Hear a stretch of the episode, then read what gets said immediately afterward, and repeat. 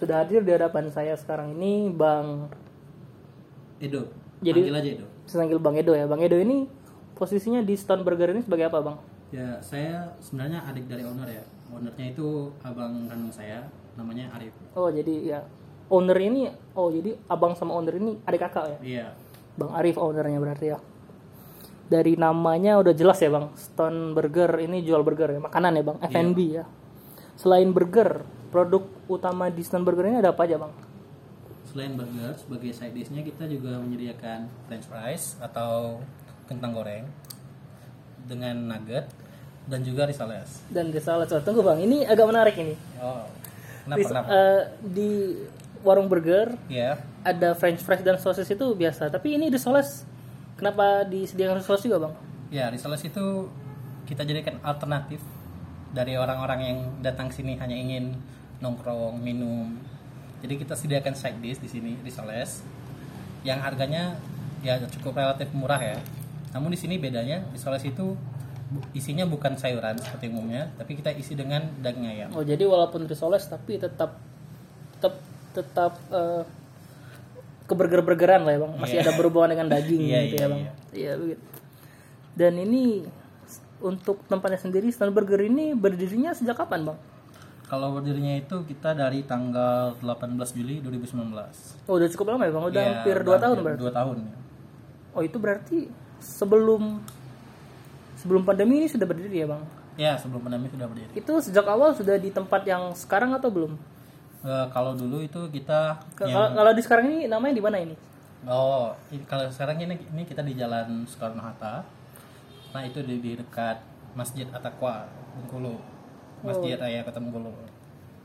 Ini di ini di di rumah sendiri ya bang? Ya, di, Lokasinya di rumah depan ya? rumah sendiri. ya. Berarti awalnya di mana bang? Sebelum di sini? Kalau dulu itu kita sempat menyewa ruko. Rukonya itu di Jalan eh, RE Marta Dinata, kilometer enam setengah. Oh itu di Bengkulu. daerah Parangarapan ya bang? Ya, di Padepokan.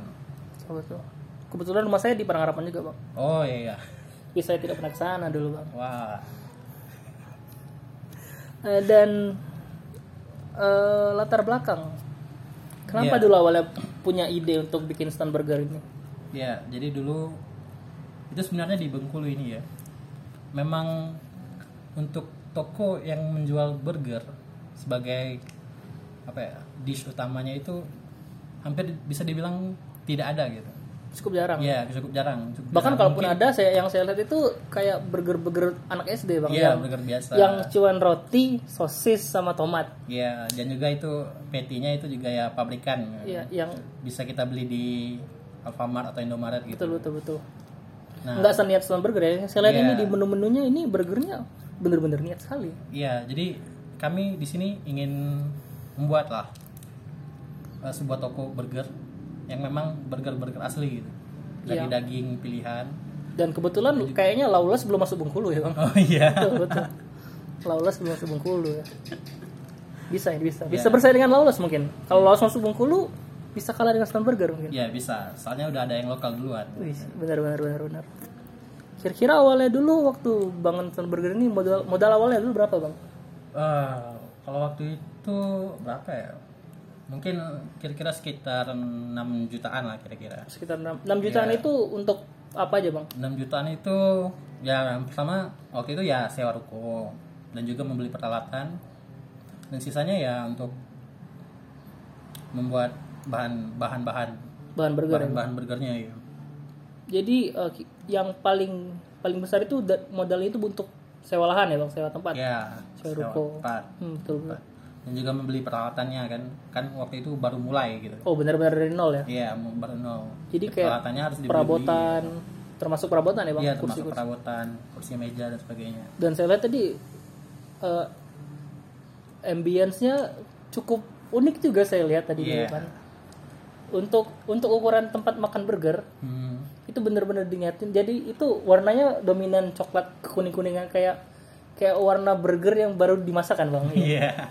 Saya ngeliatnya kayak gitu sih. Wah ini bener-bener warung burger. Waktu saya nyampe, saya tahu ini warung burger. Oh. Dan oh ya, kalau selama hampir 2 tahun tadi ya bang berdirinya, itu omset om penghasilan terbesar dan terkecilnya bang per bulan Oh, per bulan. Oh, sebelum pandemi dulu, sebelum dan setelah Sebelum pandemi juga, Bang. Pandemi. Sebelum pandemi itu kira-kira paling besar kita bisa dapat 6 jutaan ya. Kalau yang paling 6 jutaan, kecil bisa, Kalau bisa dapat Setelah setelah 4, pandemi, 5 jutaan. setelah pandemi berapa, Bang? Setelah pandemi ya ngurang, sangat ngurang ya. Bisa kita lihat kalau Kalau gimana, Bang? eh, Pasti berkurang ya, Bang? Ya, pastinya berkurang. Jadi kalau awalnya kita bisa dapat 4 sampai 6 juta, sekarang kita mungkin dapat 3 sampai 4 juta. Kalau walaupun paling besar itu juga mungkin 4 jutaan lebih sedikit gitu. Oh, jadi 4 kalau di masa pandemi kayak sekarang ini 4 jutaan itu sudah besar ya, Bang? Iya, sudah besar gitu. Sudah Karena rata-rata besar itu ya, rat- 3 jutaan ya, Bang, Iya, rata-rata ya. Hmm. Tantangan terberat hingga saat ini sejak berdiri, Bang. Iya. Memang kan kita awalnya tahun 2019 itu kan memang dari awal terus satu tahun langsung pandemi. Ya. Pandemi itu ya Bahkan nggak sampai satu tahun ya, Bang. Sam 8 bulan ya. Iya, 8 beberapa bulan, berdiri. ya.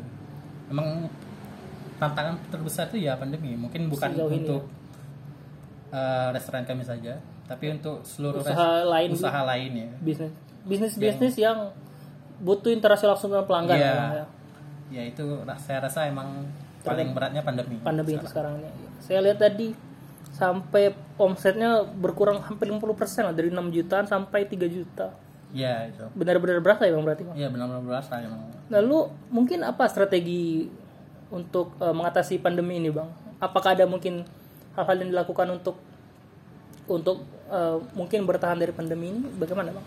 Ya untuk bertahan ya yang penting kita mencoba untuk eh, mempertahankan pelanggan-pelanggan yang sudah ada agar mereka tetap membeli produk dari kita. Caranya dengan ya memperbaiki kualitas kualitas dari produk kami dan pelayanannya juga. Oh, jadi Gitu. untuk sekarang ini fokusnya masih untuk survive dulu lah kayak kira-kira ya Bang. ya, soalnya masih sampai sekarang juga pandemi kan. Iya betul betul dan dan dengan omsetnya berkurang itu benar-benar terasa sekali terhadap Hmm. masukan ya bang Ya benar. dari ya benar-benar benar dan berarti untuk sekarang nah kalau untuk sekarang kan tujuannya masih untuk survive dulu untuk Iya. untuk selam, untuk selamat dulu lah dari pandemi ini Iya.